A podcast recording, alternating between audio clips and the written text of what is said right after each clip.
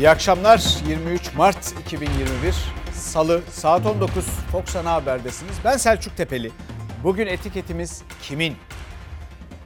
Ben size asıl soruyu hemen şimdiden sorayım. Siz de ona göre onun dışında başka sorularınız varsa, yazacaklarınız varsa yazın. Bu ülke kimin? Benim sorum budur. Ve hemen ilk haberimize başlayalım. Biliyorsunuz Covid-19 ile ilgili e, freni patlamış bir kamyon gibi aşağı doğru, gerçi vakalar, vaka sayıları yukarı doğru gidiyor ama iniyoruz, sürekli iniyoruz ve bir önlem var mı? Efendim bunu önleyecek, engelleyecek bir disiplin var mı? Bir karar var mı? Bir sorumluluk var mı? Yani bu sorumluluk kimin? Covid-19 ile mücadelede sorumluluk kimin? Hükümetin mi, iktidarın mı? Cumhurbaşkanı Sayın Erdoğan'ın mı? Bunu pek bilmiyoruz. Ama vaka sayıları katlanarak artıyor. Salgın 3. pike doğru gidiyor. Bir anda böyle acayip bir yükselme trendine geçti. Yeni vaka sayısı da vefat sayısı da ağır hasta sayısı da katlanarak arttı. Bu tablo hastanelere de yansımaya başladı. Bir ayda vaka sayısı neredeyse dört katına çıktı. Ağır hasta sayısı da artıyor. Henüz rakamlara yansımayan kısımsa çok daha endişe verici. 10 gün önce iki hastamız varken e, son birkaç günde 40'lı rakamlara kadar ulaştık. Ve bunların 22-23 tanesi pozitif hastalar. Son 24 saatte bile ağır hasta sayısına bir önceki güne göre 76 kişi daha eklendi. Vaka sayısındaki değişim farkı 1788.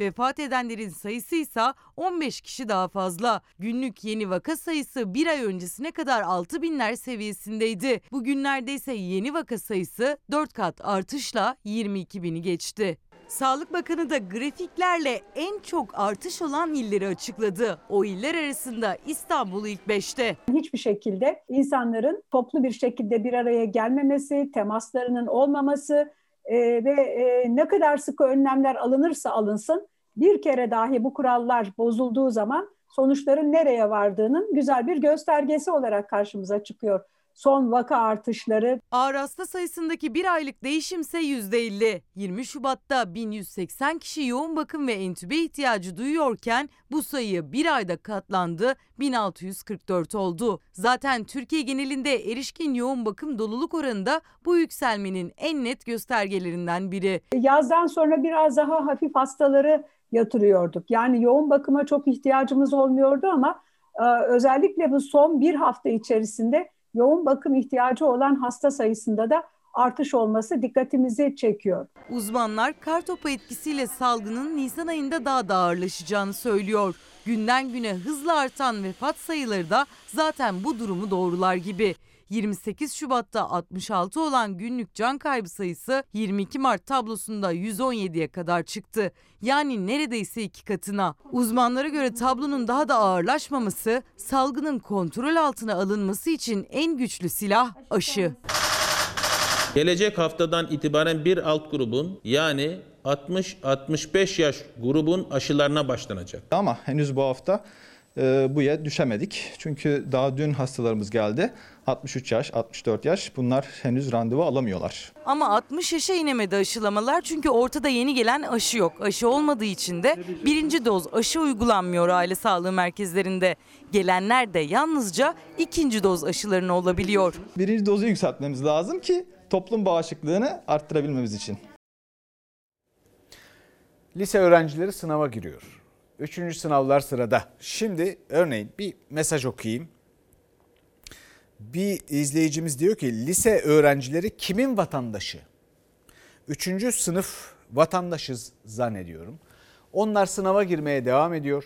Lise öğrencileri bulaştırıcılıkta tehlikeli bir gruba giriyor. İlkokul öğrencileri değil ama lise öğrencileri öyle. Ve onların yakınları için de tehlike söz konusu. Ama bu konuyla ilgili doğru dürüst bir bilimsel araştırma sorumluluk alan biri, bir bakan görmediğimiz gibi bir karar da görmedik. Lise öğrencileri bu konuyla ilgili o kadar çok mesaj attılar ki bir cevap alamadılar.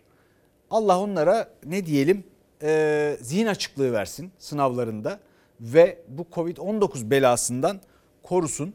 Ama okullarda bir karantina sorusu var. Şimdi onu izleyeceksiniz. O sorunun cevabı var mı? Kim verecek? Kimin sorumluluğunda? Onu kimse bilmiyor. Perişan durumdayız. Bütün düzenim alt üst oldu. Bu sene sınava gireceğim. Çok perişan durumdayım. Uzaktan eğitimle bir e, yüz yüze sınav yapılacak. Ama o eğitim uzaktan oldu. Bu bizi biraz derinden etkiledi efendim. Perişan olmakla derinden etkilenmek arasında duyguları gibi değişken eğitim sisteminde alınan kararlar. Uzaktan eğitime bile ulaşamayan öğrenciler varken sınavların ertelenmesini istiyordu veli ve eğitimciler. Ama ertelenmesi bir yana Eğitim Sen'in iddiasına göre Milli Eğitim Bakanlığı'ndan öğrenci ve öğretmenleri tedirgin edecek bir başka karar geldi. Okullara gönderilen yazıyla sınavların Nisan'a kadar bitirilmesi istendi. sınavlarımızı da bir an evvel olun. 2 Nisan'a kadar e, sınavlar bitmiş olsun. Üyelerimizde şöyle bir şey belirdi. Acaba okullar yeniden kapanacak mı? Bu sınavlar tabii ki vaka sayısını etkiler. Çünkü yeni bir nüfusun hareket etmesi demektir bu. Sınav sistemi o kadar kötü ki yani ezbere dayalı bir sınav sistemi olduğu için bu durumdan şikayetçiyim açıkçası. Haksızlık yapıldı. Bütün öğrencilere haksızlık yapıldı. Çok fena stres yaptım gerçekten.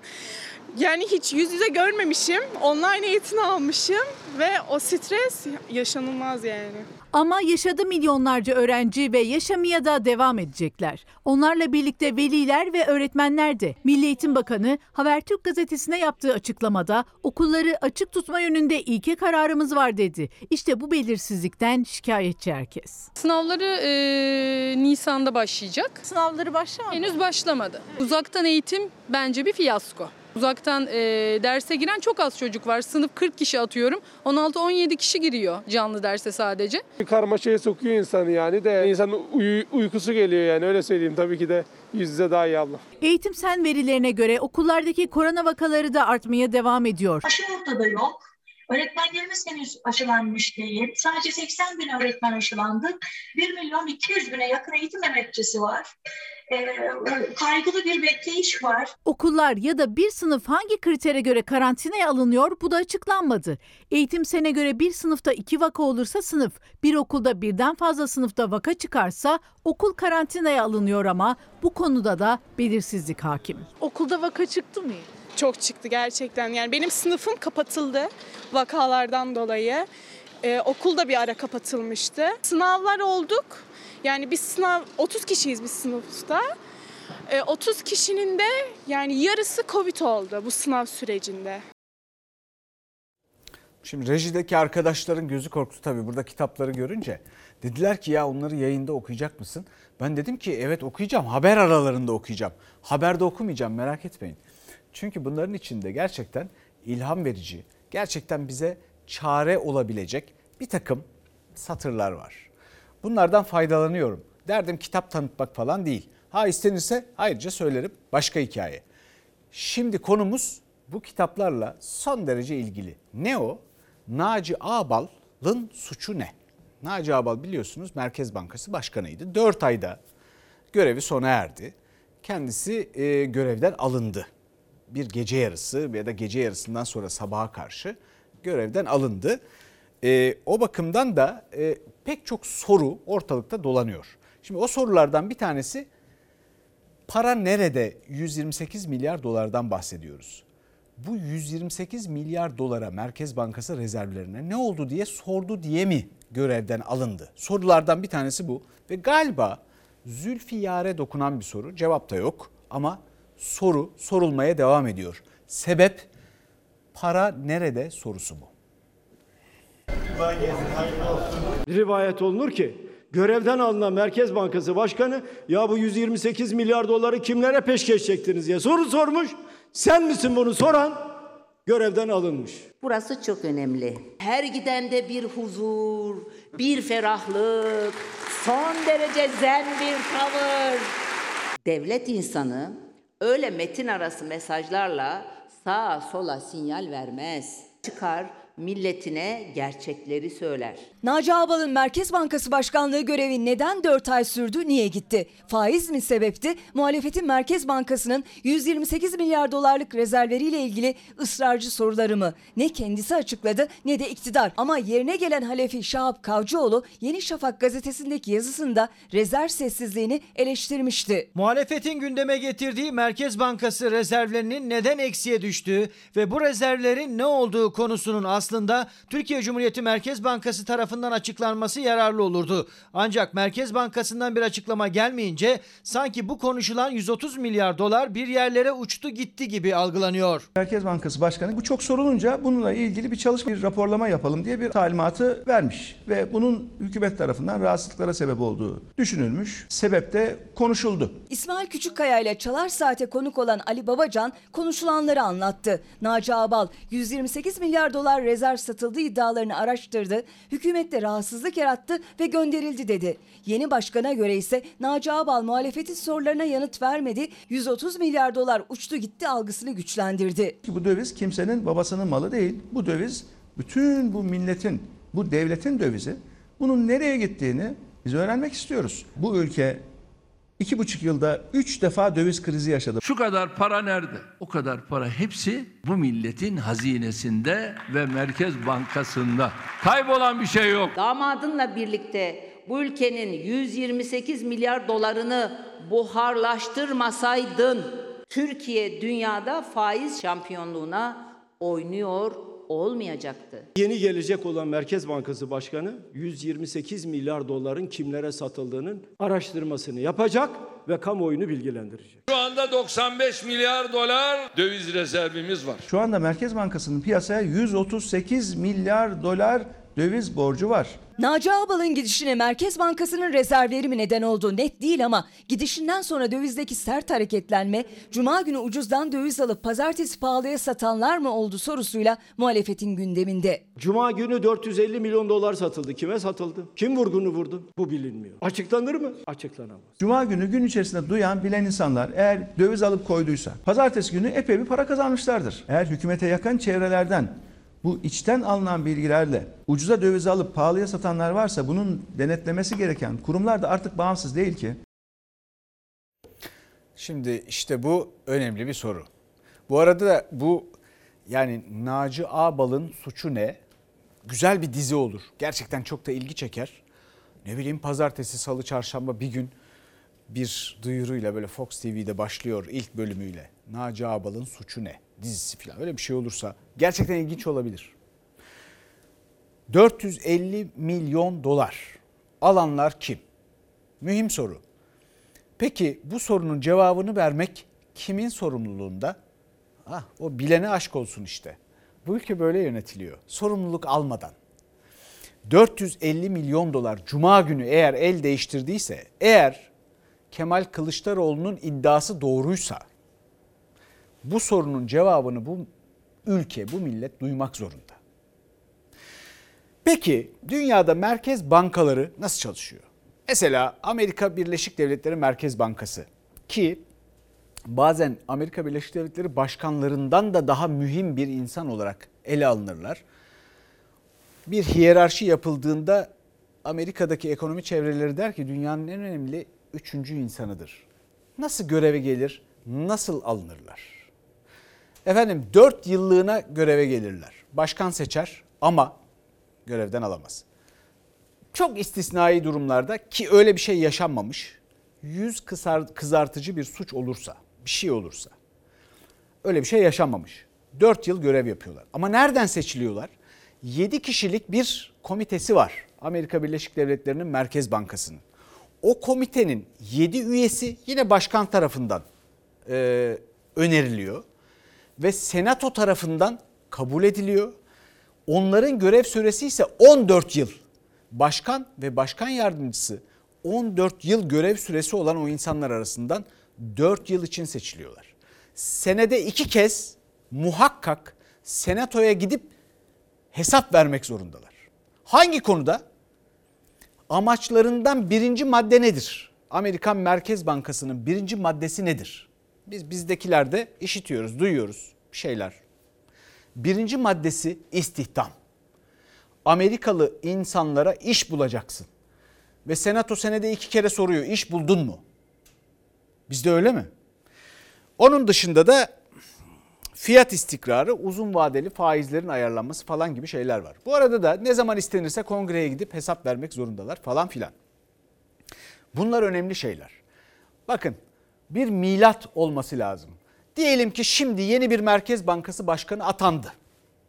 Pek çok kişi sevmeyebilir, beğenmeyebilir. Ben kendisini tanımıyorum da.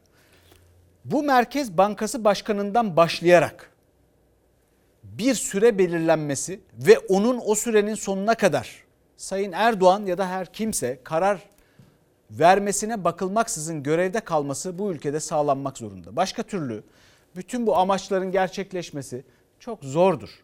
Aksi takdirde merkez bankaları başkanları ile ilgili Türkiye'de intiba şudur. Efendim kız bile vermiyorlar. Niye? İş güvencesi yok. Öyle bir durum.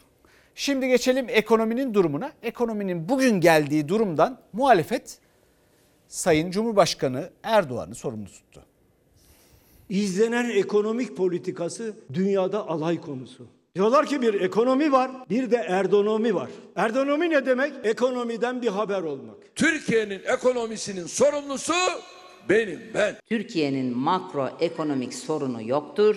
Türkiye'nin makro Erdoğanik sorunları vardır. Bir tıp mensubu değilim. Benim alanım ekonomi. Benim alanım ekonomi diyor. Ekonominin geldiği yer malum. Allah yüzümüze bakmış. Doktor değil. Doktor olsa memlekette yaşayacak kişi kaldı.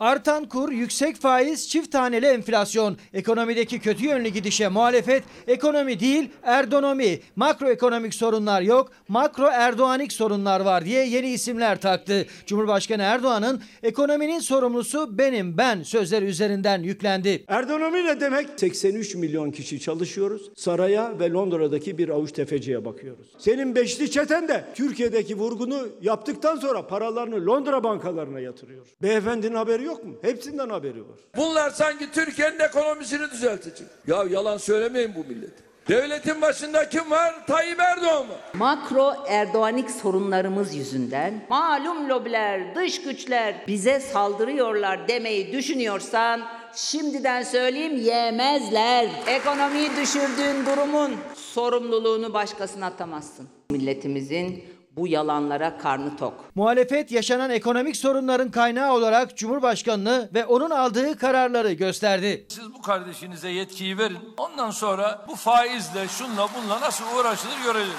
Partili Cumhurbaşkanlığı sistemiyle uçacağız demiştin. Faiz uçtu, döviz uçtu, enflasyon uçtu. Memleket de hızla uçuruma doğru uçuyor. Ya devlet böyle mi yönetilir ya? Allah akıl fikir versin bunlara. Devleti perişan ettiler. Ekonomiyi perişan ettiler. Ne diyorlar? Ekonomi battı. Ekonomi bitti. Bunlarda insaf yok. Bunlar nankör. İktidara yakın Yeni Şafak gazetesinin faiz artırımı sonrasında Naci Ağbal'ı hedef alması ve görevden alınması da Akşener'in gündemindeydi. Manşetlere eğilerek gidiyorsun sözleri dikkat çekti. Erdoğan bir zamanlar gazete manşetleriyle bize istikamet veremezler diyordun. Şimdi bakıyorum da onlar sabah manşet atıyor, sen akşamına gereğini yapıyorsun. Nereden nereye? Manşetlerle vuruşa vuruşa geliyordunuz. Manşetlere eğile eğile gidiyorsunuz. Yolun açık olsun. Efendim şimdi bu Merkez Bankası Başkanı değişikliğiyle ülkede olan, oluşan zararı insanlar tabii hayal bile edemiyorlar. Bazen böyle oluyor. İpin ucu kaçtıktan sonra gerçekten biz ne olup bittiğini anlamakta zorlanmaya başlıyoruz. Bir mana veremiyoruz. Şimdi size bir rakam söyleyelim. Bir gecede iddia şu ki 1 trilyon lira ama yeni Türk lirası yani yeni parayla 1 trilyon lira. Sayın Cumhurbaşkanı'nın ifadesiyle bazen uygun bulduğu durumlarda eski paradan da bahsediyor ya. Siz o 1 trilyon liraya 6 sıfır daha ekleyeceksiniz. O kadar zarar ettik. Bu ne demek biliyor musunuz? Türkiye'de o kayıp parayla bir gecede işsizliğin yarısını halletme ihtimaliniz olabilirdi. Bu mümkündü. Bakalım gecede 1 trilyon dolar kaybetmek ne demekmiş? Bir gecelik bir kararname ve 1 trilyon maliyet. Türkiye bir gecede yaklaşık 1 trilyon lira zarar etti. Merkez Bankası Başkanı değişikliği sonrası doların yükselişi Türk lirasının değerini düşürdüğü gibi halkın cebine de ekstra maliyet getirdi. Herkesin yani 83 milyonun cebinden 12'şer bin lira çıktı. Daha önce kur yükselişleri faiz düşüşleriyle oluyordu. Bu sefer e, faizler de yükseldi. Yıllık olarak yaklaşık o da 70-80 milyar lira civarında bir yıllık maliyeti bindi orada geldi. Borsadaki düşüşün de ekstra maliyeti oldu. Yani ciddi insanlar ciddi bir servet kaybına uğradılar orada. Bütün bunları kabaca topladığımız zaman sadece bir gecelik bir kararnamenin Türkiye'de ekonomiye etkisi 1 trilyon lira seviyesinde oldu diyebiliriz. Türkiye'nin bir gecede dış borcu da katlandı, ithalat maliyeti de. 450 milyar dolar dış borcumuz var. 1 liralık yükseliş 450 milyar lira bize ekstra maliyet çıkardı. Yaklaşık olarak yıllık olarak söylüyorum. İthalatımız 200 milyar dolar seviyelerinde. Burada da ithal ürünlere yine 200 milyar lira civarında bir fazladan para ödeyeceğiz. Halk kaybetti ama kazananlar da var. Müteahhitler yapılan anlaşma döviz üzerinden olunca geçiş garantili köprü ve otoyolların hazineye yükü 200 milyar lira arttı. Bu yıllarca sürecek garantiler boyunca ödeyeceğimiz toplam paraya yansıyacak. Tabii yeni bir kur artışı olmazsa. Çünkü her artışta cebimizden daha fazla para çıkacak. Ama şimdilik yıllık 7-8 milyar lira görünen Kur artışının etkisini her alanda hissedecek tüketici. Yani kimsenin dolarla maaş almasına ya da dolarla borcu olmasına gerek yok. İthal ürünlerde fiyatlar artacak. Zam olarak yansıyacak. Tarlada üretilen gıda fiyatları bile kamyonlarla taşınırken bu kamyonların tükettiği akaryakıtın dolar bazında artması sebebiyle orada da bir fiyat artışı yaşanacak. Dar gelirlinin hayatı pahalaşacak. Artan maliyetler sebebiyle bazı iş yerleri kapanacak. Karşımıza yeni işsizler çıkacak. Hem pahalılık hem işsizlik. Sürpriz kararın zincirleme etkisi. Ekonomi yazarı İbrahim Kahveci'nin yaptığı hesaba göre Türkiye'nin bir gecede kaybettiği 1 trilyon lirayla 2 milyon kişiye istihdam sağlanabilirdi. Bir istihdam 500 bin liraya mal oluyormuş Türkiye'de 2020 yılında. Bu veriler Sanayi Bakanlığı'nın yatırım teşvik verileri. Kabaca şöyle söyleyebiliriz. 1 trilyonla 2 milyon istihdam yapılabilir. TÜİK verilerine göre 2020 yılında Türkiye'deki işsiz sayısı ise 4 milyon 61 bin. Yani işsizlerin yarısına iş yaratabilecek bir para uçtu gitti kahveciye göre. Dış borçta olsun, ithalatta olsun veya faizlerde olsun biz bunun faturasını ödeyeceğiz. İnsanın içinden hakikaten bu karar kimin? Bu karar niye verildi? Niye böyle verildi diye sormak geliyor tabii ama aslında başka bir şey. Ya hiç insafınız var mı? Hiç insafınız var mı? Herkes bu vatanın evladı. Bu olur mu ya? Bu olur mu? Bunun sorumluluğu kimdedir? Nasıl olur? Neticelerine bir bakalım. Bakın geçen birkaç ayda bir zam yapıldı. Emekliye, işte memura zam yapıldı biliyorsunuz. O zammın neticesinde insanlar ümitlenmediler bile. Çünkü insanlar biliyor neyin nereye varacağını. Ve zaten bütün bu zamlarla eridi gitti. Şu anda zarardalar. Hiçbir hiçbir kendi gelirlerinde artış olmadığı gibi şu anda geçen seneye göre yılın birkaç ilk birkaç ayından bahsediyoruz. Zarardalar. Kaybettiler. Muz 11 mi? 11.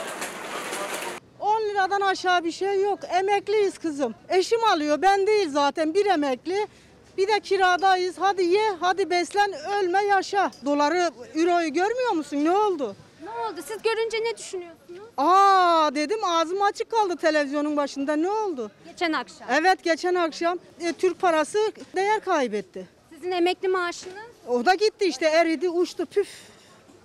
Evlerine giren 2400 lira emekli maaşı. Sene başında 322 dolardı, bugün 304 dolara tekabül ediyor. Dolar bazında kendi tabiriyle eridi gitti kazancı.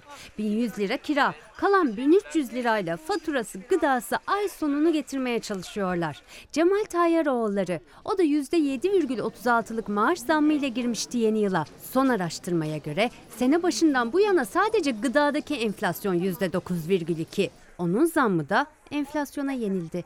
Gıda enflasyonu almış başını gidiyor. Hiç çare yoktur. Birleşik Kamu İş Konfederasyonu halkın enflasyonu araştırması yaptı.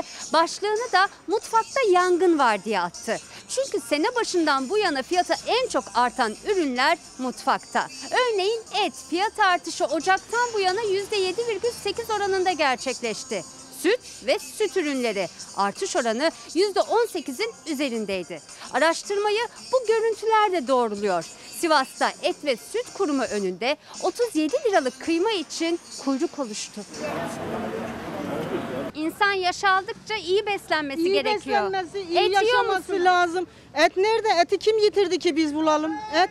Efendim ben et yemiyorum. Yalnız kemik alıyorum. Kasaba söylüyorum. Kemik de kilosu 15 liradan alıyorum. Parça et almaya kalkıştığımız zaman nereden bakarsanız 78-80 lira o da. Yemeklere kemik suyu. Yani yemeklere kemik suyu işte ekmek doğruyoruz içine bilmem ne öyle idare ediyoruz. Yoğurda süde güç yetiyor mu? Peynir? Peynirden o peyniri hiç sorma. Etten peynir daha onu göremiyoruz zaten. Sütçülerden toptan satılan yerde de 6 liraya alıyoruz. Yoğurt yapıyoruz. Yoğurt alma şansımız da yok. Çünkü dışarıda marketlerde e, yoğurt aldığımız zaman çok pahalı. Birleşik Kamu İş'in halkın en fazla tükettiği 76 gıda ürününü baz alarak yaptığı araştırmaya göre yıllık ortalama enflasyon %30'a dayanmış durumda. Geçen Mart'tan bu Mart'a sebze fiyatlarında %58,1, meyvede %49,1 oranında artış oldu. Ama kimsenin maaşı o kadar artmadı. Aldığım emekli maaşıyla borçlanıyorum tekrar. Çocuklar yardım ediyor. Yoksa geçinemeyiz. E, Onurumuz biraz onurumuz kırılıyor. Ama ne yapalım? Çocuğum da olsa onurum kırılıyor benim. Yani Yani yaşamaya yaşamak denilirse yaşamaya çalışıyoruz kızım. Mesela kivi 15 lira olmuş. Kivi, kivi kim yitirdi o zengin şeyi? Onlar lüks, lüks. Duysun başımızdakiler yani yok.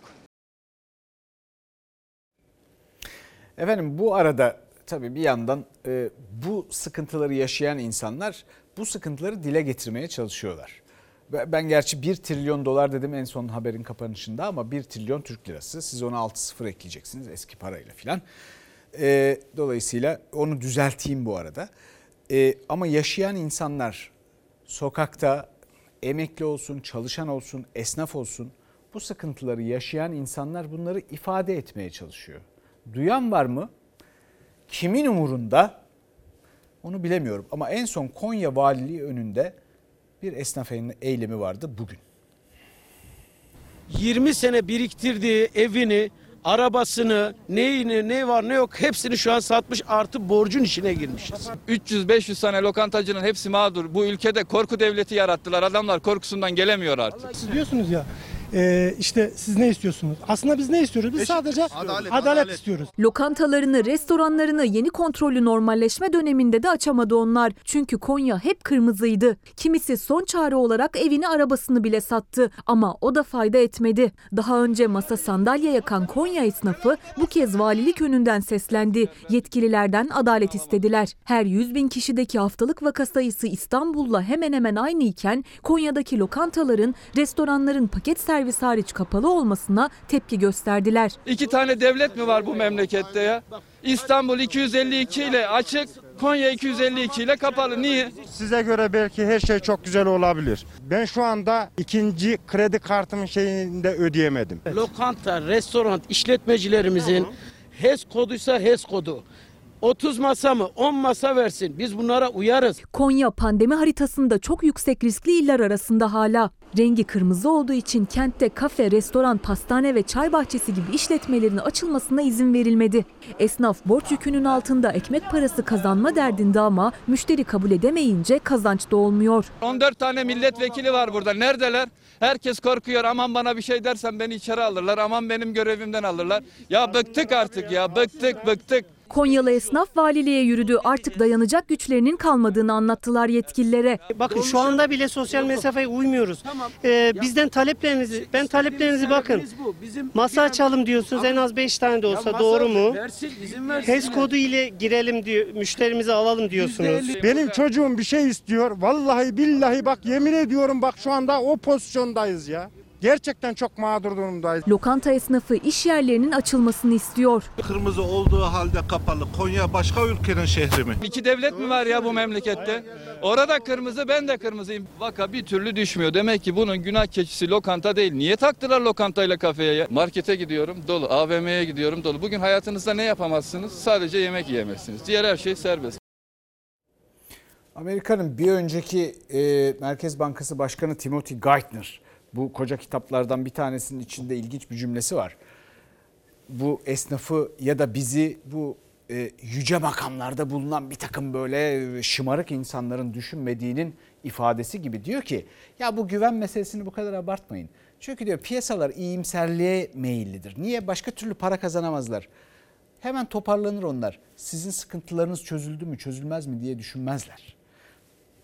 Araya bunu da sıkıştırayım istedim. En azından kendim için. Şimdi e, sanki hiçbir sorunumuz bize yetmezmiş gibi, yeterince meselemiz yokmuş gibi bir de e, AK Parti'de bir boynu kalın tartışması başladı. Mümin kötülüklerin son bulması için elinden gelen gayreti gösterir. Güçlü ekonomilerde faiz %0-1 arasında. O sebeple faizcilerle mücadele etmek de İslam'ın bir emridir. Bu vesileyle Çiçeği Burnu'nda Merkez Bankası Başkanı'nı uyarmak istiyorum. Görünen o ki şimdiden o koltuğa yeni talipler var. Sayın Boynukalın Ayasofya'nın açılışı gibi tarihi bir meydan okumayı gölgede bırakacak bir tavırla sürekli polemiklerin içinde olmanız Ayasofya için bedel ödeyen herkesi üzmekte. Faizlerin gidişatını beğenmeyen Ayasofya imamı Twitter üzerinden ayar verip hem faiz lobilerine gözdağı verdi hem de Merkez Bankası Başkanlığı'na göz kırptı. Son günlerde birbiri ardına verdiği siyasi içerikli mesajlarla tepki çeken Ayasofya Başimamı Mehmet Boynukalın, Merkez Bankası Başkanı'nın değiştirilmesi tartışmalarına da faizle mücadele İslam'ın emri mesajıyla dahil oldu. Şimşekler üzerine çekti ama en çok da AK Parti cephesinden. Bir siyasi değil kardeşiniz olarak bu mecrada usulle olmanızın kimseye faydası olmadığı kanaatindeyim. Ayasofya Camii imamı Diyanet İşleri Başkanlığımızın memurudur. Toplumu birleştirmek, huzur güven aşılamak en önemli görevi olmalıdır. Özenli olması beklenir. 8 Mart'ta da kadın cinayetlerine vurgu yapmak, kadını erkeğe düşman etmeye dönük sloganik bir propagandadır mesajıyla yine AK Parti Grup Başkan Vekili Özlem Zengin'in tepkisiyle karşılaşmıştı Boynukalın. Son çıkışını ise Bakara suresinden ayetler paylaşarak ekonomi üzerinden yaptı. AK Parti kadar muhalefetin de hedefine oturdu. Faizin azaltılması ve sonunda tamamen kaldırılması hem İslam'ın hem de aklın gereğidir. Güçlü ekonomilerde faiz %0-1 arasındadır. Baktı ki elin yabancısı ülkesinde yüzde bir iki faizi zor alırken burada yüzde on dokuz veriliyor. Baktı ki ekonomist cumhurbaşkanı, eski bakanlar, milletvekilleri, ekonomi profesörleri bu işi beceremiyor. O da gerekeni yaptı ve görünen o ki göreve talip oldu. Olur mu olur? Ayasofya imamı, imamlığını yapsan daha iyi olur. Sen din öğretmek, dini anlatmakla mükellefsin. Faiz haram diye bize akıl vereceğine Merkez Bankası Başkanlığına otur, faizsiz bir ülke yönet o zaman. Ayasofya imamı. Ben İslam'ın tek temsilcisi değilim. Sadece doğru bildiklerimi ve düşüncelerimi sizlerle paylaşıyorum. Herkes fikrini söylemekte serbest. Bu cümleleriyle uyarılar karşısında geri adım atma niyetinde olmadığının mesajını verdi Boynukalın. Başimam siyasetin gündeminde kalmaya devam edecek gibi görünüyor. Acaba kendileri kimin ataması? Atadığınız insanlarla ilgili kontrol problemi yaşıyorsanız hiç atamamanızda fayda var demek lazım. Bu arada da e, İstanbul Sözleşmesi'nden Türkiye'nin çekilmesiyle ilgili olarak Danıştay'a dava yağıyor. Kadınları her türlü şiddete karşı korumak ve ortadan kaldırmak. Bütün kadınların huzurunda Erdoğan'a soruyorum.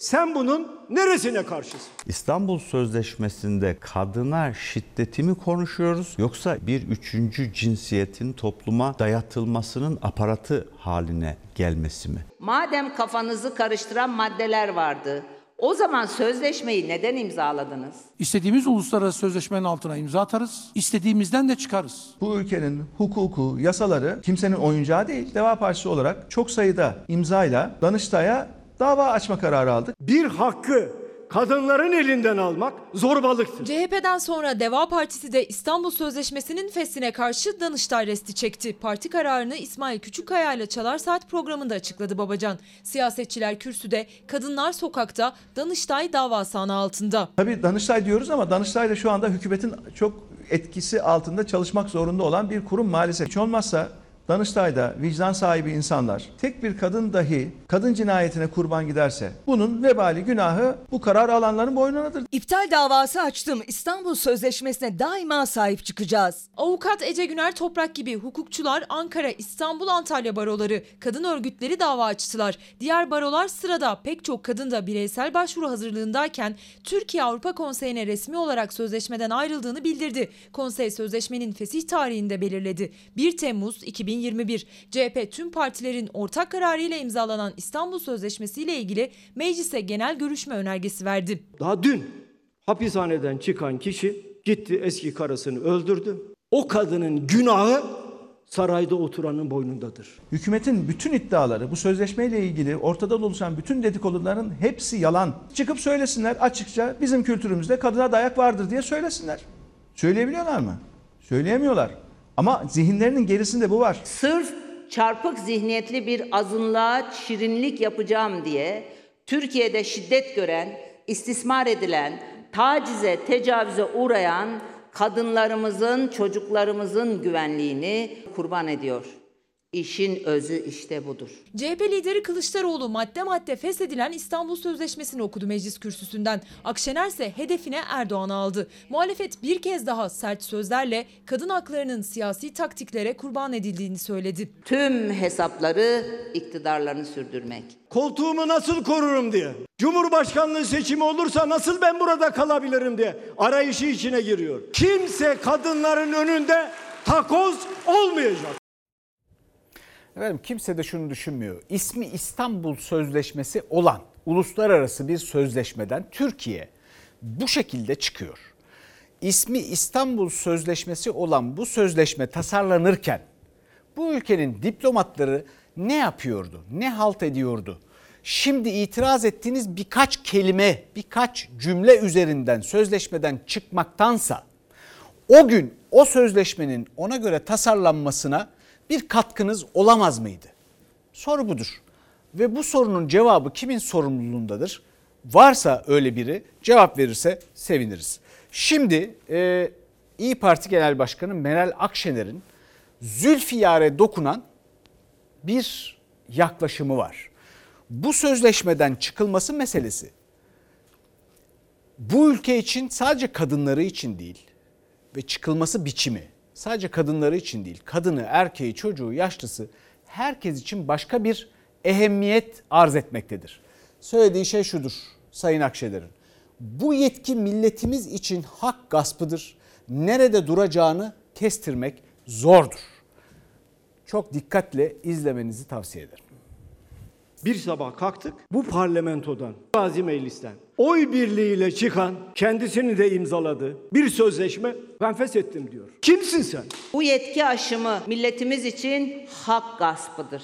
Bu gaspın bir kez önü açıldı mı nerede duracağını kestirmek zordur. Yarın emekli maaşlarına artık ödenmeyecek diye seçme ve seçilme hakkını iptal ediyorum diye bir cumhurbaşkanlığı kararına uyanmayacağımızı bilemezsiniz. İnanın çocuk oyuncağına çevirdiler bunu. Ülkenin anayasası, hukuku, yasaları kimsenin oyuncağı değil. Cumhurbaşkanı Erdoğan'ın bir kararnameyle İstanbul Sözleşmesi'nden çıkma kararına imza atması yetki gaspı iddialarını beraberinde getirdi. İktidarın Cumhurbaşkanı iptal yetkisini anayasadan alıyor savunmasına karşı muhalefet tek adamın imzası mı meclisin iradesi mi sorusunu sordu. Sistem tartışmaları da yeniden alevlendi. Neye göre feshediyorsun? Anayasaya göre mi? Hukuka göre mi? Hayır efendim. Ben zorbayım. Ben istediğim kişiye hak veririm, istediğim kişiden hakkı alırım diyor. Böyle bir anlayış orta çağda bile yoktur. Bu yetkiyi anayasa Cumhurbaşkanına vermiş. Görüyoruz ki daha önce tek bir imzayla bir kararname yayınlanmış. Daha sonra da ona dayanarak göstererek yine aynı imzayla işte karar almıştım ya diyor. Ona dayanarak diyor bu sözleşmeden çıkıyorum diyor. Devletimizin Sayın Erdoğan'ın elinde oyuncak olduğu gerçeğine sessiz kalamayız. Erdoğan'ın İstanbul Sözleşmesi'ni iptal ettiği kanun hükmünde kararname yetkisini anayasa ve yasaların kendisine vermediği farklı amaçlar için de kullanabileceğini iddia etti muhalefet. En sert tepki ise zorbalık çıkışıyla Kılıçdaroğlu'ndan geldi. CHP lideri meclis başkanına da yüklendi. En çok itiraz etmesi gereken kişi Türkiye Büyük Millet Meclisi Başkanı'dır. Milletin iradesi gasp edilmiştir. Sayın Erdoğan, bu gittiğin yol yol değil. Aldığın abuk sabuk kararlarla hukuksuzluğu normalleştirmekten vazgeç. Bugün kendin için açtığın bu dolambaçlı yollar yarın döner dolaşır karşına çıkar. Muhalefet sistem uyarısı yaptı. AK Parti kurmayı Mahir Ünal ise eleştirilere karşı 19 yıl hazırlıktı yeni başlıyoruz dedi. Kabine revizyonunun haberini verdi. 19 yılda yaptıklarımız bir hazırlıktı. Biz yeni başlıyoruz. 2023'e dönük sadece partide değil, diğer alanlarda da Sayın Cumhurbaşkanımız yeni bir düzenleme yapacaktır. Mesele bunların 19 yıldır benimsediği fırıldak siyaset anlayışıdır. Sayın Mahir Ünal'ın sözünün bir sanat eseri olmasını teklif ediyorum. 19 yılda yaptıklarımız bir hazırlıktı. Bence bir Biennale'de, bir sanat, bir sergide filan derhal sergilenmeye başlanabilir. Bir film önerim var. Kurumların, geleneklerin ve onlar arasındaki yetki paylaşımının ve disiplinin önemini anlatan YouTube'da bulabilirsiniz. 1981 yapımı. Benim burada uzatacağım o kadar laf yok. Ekim ayının ilk pazartesisi. Filmin adı bu. Ekim ayının ilk pazartesisi. Muhakkak izleyin. Efendim mecliste bu sözleşmeyle ilgili bir gerilim vardı bugün. Onu izleyelim. Bu çocuklar henüz 13-14 yaşında kız çocukları. Bu çocukların hiç mi hakkı hukuku yok? savunamadığınız zaman da kolayına kaçıp dönüyorsunuz bize teröre teröre. Hadi canım oradan. AK Parti grubunda PKK militanlarının çekilmiş fotoğrafları kaldırılmak suretiyle PKK terör örgütünün propagandası yapılmıştır. Bunu tutanaklara geçirmek istiyor. İstanbul Sözleşmesi'nin feshedilmesi tartışması Meclis Genel Kurulu'nun ilk mesaisinde de tansiyonu yükseltti. İktidarla muhalefet hattında karşılıklı suçlamalarla sinirler gerildi. CHP kendi içerisinde kadına yönelik tacizler yaşanırken neredeydi? Hem disipline verip partiden attık hem kulağından tutup savcının önüne attık. Bırak kadına tacizi onu da asla kabul etmeyiz ama. Çocuğa tecavüze bir kereden bir şey olmaz diyen zihniyetten alacağımız ahlak dersi olamaz. Herkes dönsün, aynaya baksın. Kadına şiddete sıfır tolerans ortaya koyan AK Parti'dir. Bundan geri adım atılmayacaktır. Genel başkanınızın imzasıyla feshedildiği için siz bunu savunamıyorsunuz. Dönüyorsunuz bize teröre teröre. İstanbul Sözleşmesi gerilimi parti içlerindeki taciz iddialarından terör örgütüne kadar uzandı. Sesler yükseldi, vekiller ayağa kalktı. Sayın Grup Başkan Vekili buraya gelip şunu söylemeniz lazımdı. PKK'yı lanetliyorum. İlkeli olun, ilkeli olun. Alçak, hain terör örgütünü 100 kere lanetledim bu 101 olsun. Ama ben şunu da lanetlemek istiyorum. PKK terör örgütünün kurucusuna elçi göndereni de lanetliyorum. Ondan masaya oturanı da lanetliyorum. Ondan seçimlerde medet umanı da lanetliyorum. Şehitlerimize kelle diyeni de lanetliyorum. Meclisin de gündemini ısıtan ağır polemik dakikalarca devam etti. Bu arada ülkemizde iki günde pek çok kadın cinayeti yaşandı. Beşi kadın, beşi de artık hayatta değil. Beşi de cinayet kurbanı oldu. Denizli'nin Pamukkale ilçesinde 50 yaşındaki Meral Sivrikaya boşanma nedeniyle yaşadıkları tartışma sonrası evi terk edip kızının yanına gitti. Eşi Erkan Sivrikaya gece kızıyla damadının yaşadığı apartmana gizlice girdi. 6. kat boştu. Bir süre burada bekledi. Tozlu camlara eliyle yuvana dön af yok gibi yazılar yazdı. Sonra da halat sarkıtıp aşağı kata indi. Balkondan içeri geçip salonda uyuyan eşim Meral Sivrikaya'yı bıçakladı. Balkonda bağırıyorlardı e, yetişin falan diye. E, ondan sonra biz adamın elinde bıçakla kaçtığını gördük. Onun üzerinde bıçak darbesi alan kadın olay yerinde hayatını kaybetti. Cinayet zanlısı kocayı kaçmaya çalışırken çevredeki esnaf yakalayıp polise teslim etti. İzmir'in Konak ilçesinde de 39 yaşındaki polis Fırat Köksal Kadife Kale Şehitliği yakınındaki otoparkta arabanın içinde nişanlısı Nagihan Üste ile tartışmaya başladı. O tartışmanın sonunda Köksal Üste'yi başından vurarak öldürdü. Ardından aynı silahla kendi hayatına da son verdi. İzmit'te 22 yaşındaki Beyzanur Özel Fidan 3 ay önce hayatını birleştirdiği eşi ÖF tarafından evde yatak odasında ölü bulundu. Genç kadının canına kıydığı şüphesi üzerinde duruldu ancak babası damadının kızına karşı şiddet uyguladığını, kızının cinayete kurban gitmiş olabileceğini öne sürdü. Bu gelişme üzerine polis ÖF'yi gözaltına aldı. ÖF tutuklandı. Şüpheli ölümle ilgili soruşturma açıldı. Antalya'nın Alanya ilçesinde ise cezaevinden izinli çıkan HB, motosiklette yolcu olarak bulunan boşanma aşamasındaki eşi Rabia Doğan'a kurşun yağdırdı. Kadın hayatını kaybetti, motosiklet sürücüsü de yaralandı. Cinayetin ardından kaçan HB saklandığı adreste yakalandı. Çıkarıldığı nöbetçi sulh ceza hakimliğince tutuklandı. Osmaniye'de de 3 çocuk annesi Serpil Fikirli uzaklaştırma kararı aldığı eşi CB tarafından Yeniköy mahallesindeki evinde bıçaklanarak öldürüldü. Serpil Fikirli'nin cinayete kurban gittiği gün erkek kardeşinin düğünü vardı. Bir ara. Efendim ben gevezelik ediyorum diye haberler eksik kalsın istemem. Bir NATO zirvesi var. NATO Dışişleri Bakanları Brüksel'de buluşuyor. O haber eksik kalmıştı biraz fazla konuşunca. Onunla ilgili ben size lüzumlu olan tarafını söyleyeyim. Efendim orada gündem Türkiye. Elbette S-400, Akdeniz'deki gelişmeler filan. Ama Türkiye'ye ilk gün sıcak mesajlar verildi. NATO için ne kadar önemli olduğu söylendi. Avrupa Birliği'nin güvenliğinin Türkiye ile mümkün olduğu söylendi falan filan. Bunları hep biliyoruz. Bunun üstüne ne koyuyoruz peki? Bakın bu siyasi performansla ilgili bir şey işte. Ben size söyleyeyim geldiğimiz noktayı. Bunlar vaktiyle yine NATO'culardan bahsediyorum. Vaktiyle yine Türkiye'yi çok severlerdi. Ama Türkiye'nin demokratik olmasını pek düşünen yoktu. Neden? Güvenlik açısından Türkiye önemliydi. Yıllar yılı, 10 yıllar boyunca. O yüzden Türkiye NATO'nun tek demir perde ülkesiydi. Son yıllardaki AK Parti iktidarı performansıyla geldiğimiz noktaysa bu krizlerin sebebi o demir perdenin tek NATO ülkesi haline dönüştük. Bu gerçekten çok övülecek bir performans sayılmaz. Bununla ilgili Alexander Pushkin'in de ilginç, bence ilgili açıklayıcı bir sözü var ama o bugüne sığmaz. Bizden sonra baraj var. Yeni bölümüyle yarın görüşmek üzere. İyi akşamlar.